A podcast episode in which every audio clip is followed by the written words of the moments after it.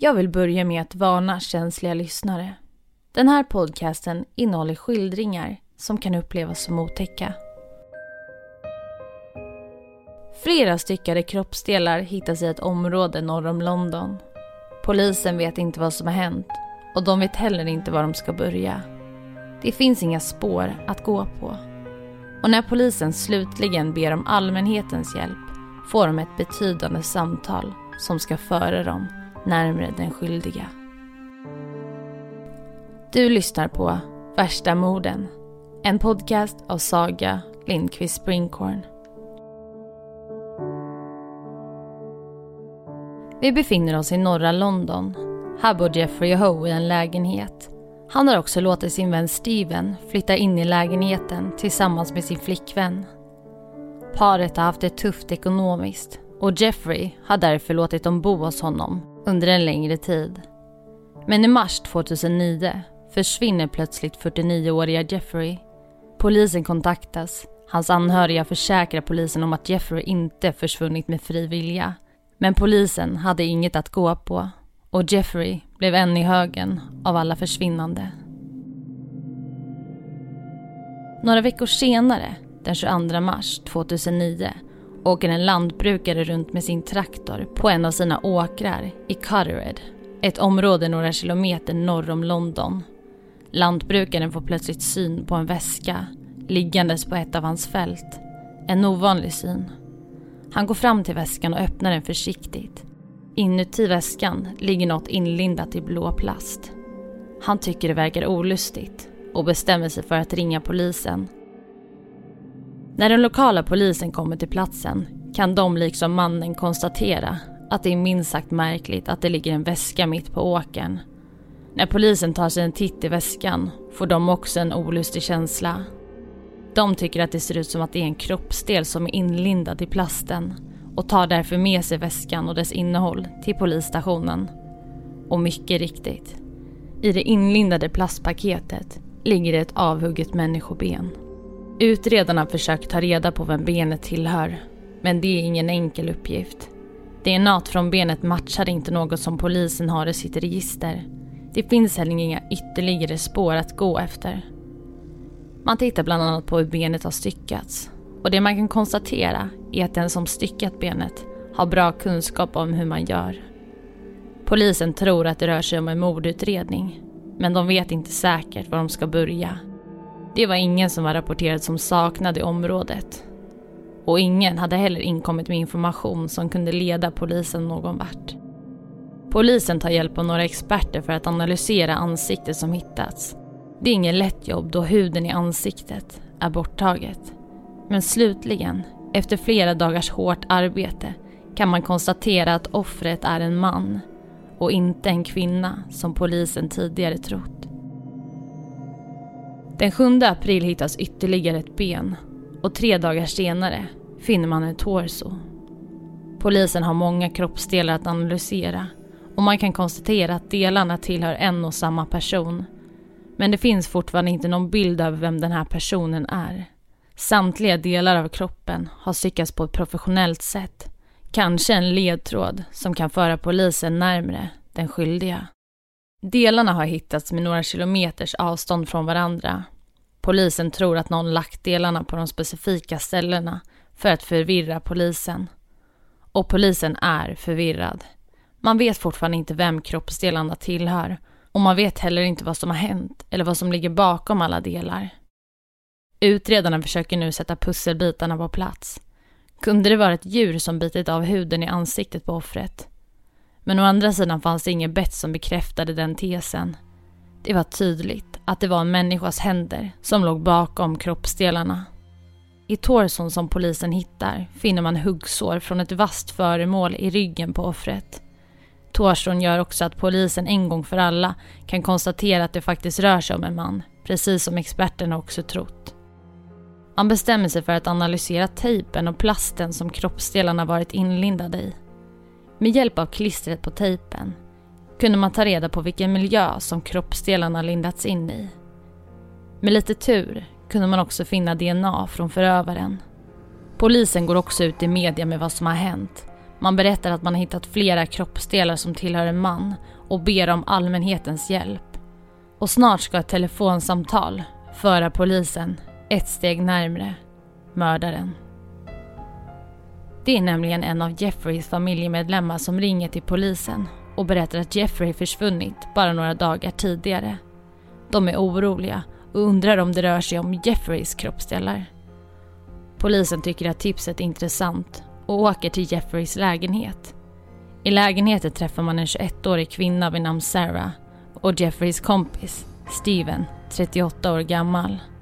Sarah och Steven är ett par och polisen märker att de beter sig nervöst. Ett beteende som får polisen att misstänka att något inte är som det ska. Polisen tittar igenom lägenheten och man kan konstatera att den är noggrant städad. I en garderob hittar man något suspekt.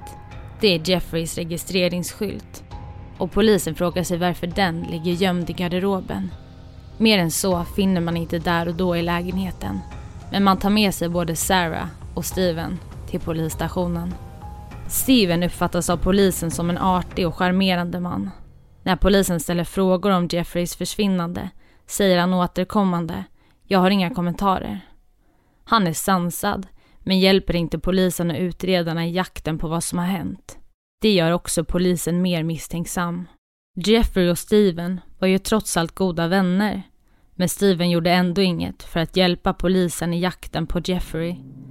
Sarah däremot var mer hjälpsam med sitt förhör. Hon berättade bland annat att hon och Steven inte betalt hyran till Jeffrey och att Jeffrey då bett om att flytta. Men paret hade vägrat. Men det var inte hon och Steven som hade gjort sig skyldiga till Jeffreys försvinnande. De undrade precis som alla andra var Jeffrey tagit vägen, enligt Sarah. Polisen hade nu ett stort problem. Man var övertygad att paret var delaktiga i Jeffreys försvinnande, men det fattades bevis. Paret kunde endast vara häktade i 24 timmar om polisen inte hittade betydande bevis snabbt. Nu är den stora färgfesten i full gång hos Nordsjö Idé och Design. Du får 30% rabatt på all färg och olja från Nordsjö. Vad du än har på gång där hemma så hjälper vi dig att förverkliga ditt projekt. Välkommen in till din lokala butik.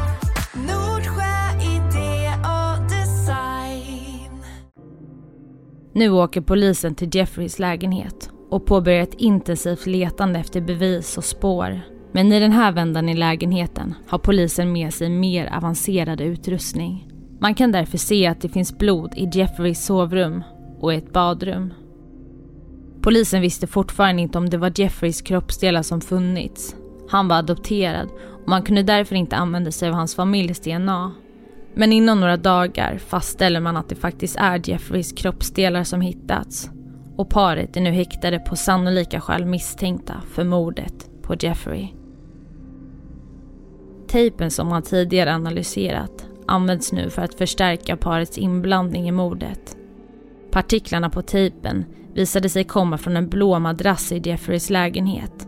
Något som indikerar på att kroppsdelarna lindats in i själva lägenheten. På tejpen hittar man också fibrer från en av Stevens tröjor. Utredarna har konstaterat att kroppen är styckad på ett mycket tekniskt sätt. Man försöker finna något som kan styrka att Sarah eller Steven har arbetat med styckning eller har bra koll på kroppens olika delar. Men det är inget som polisen finner och det blir ett fortsatt frågetecken. Paret fortsätter att neka till anklagelserna som polisen lägger fram men när den verkliga rättegången drar igång i januari 2010 ändrar Steven sin berättelse. Han säger nu att det är Sarah som mördat Jeffrey och att han i det senare skedet hjälpt henne att stycka kroppen.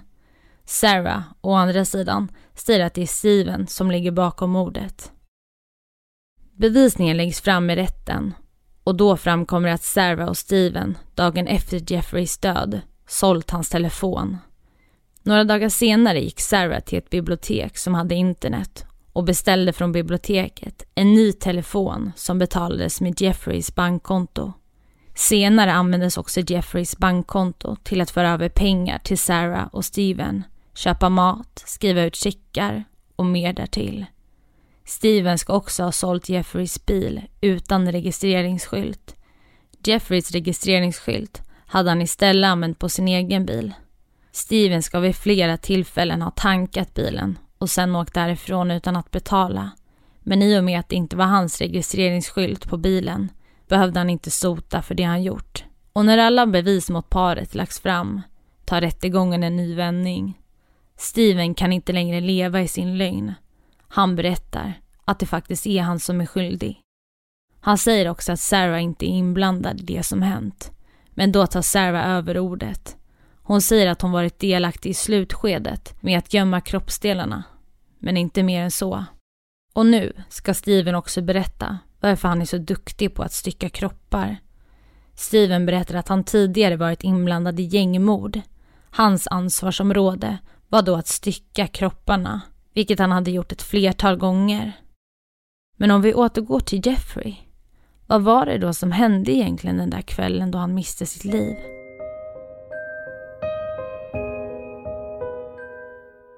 Jeffrey hade börjat sätta krav på paret. Han accepterade inte längre att de inte betalade hyran som det var bestämt. Jeffrey hade fått nog och bad Steven och Sarah att flytta, något som de inte accepterade. Det fanns inga pengar på parets konton och de hade ingen annanstans att ta vägen. De började bråka med varandra och Sarah har vid ett senare tillfälle berättat att Steven sagt till Jeffrey att det var dags för honom att ta sina saker och dra. Annars skulle han döda honom och hans familj. Jeffrey mördades natten mellan den 8 och 9 mars 2009. Jeffrey hade gått och lagt sig och när han slutligen somnat hade Steven bara en sak i huvudet. Han skulle döda. Steven smyger sig in till Jeffreys sovrum och hugger honom två gånger i ryggen med en fyratumskniv. Ett av sticksåren ska ha punkterat Jeffreys ena lunga. Sarah ska vid ett senare skede ha berättat för en vän att Steven varit den som dödat, men att hon hållit en kudde över Jeffreys mun när han skrikit i väntan på sin död.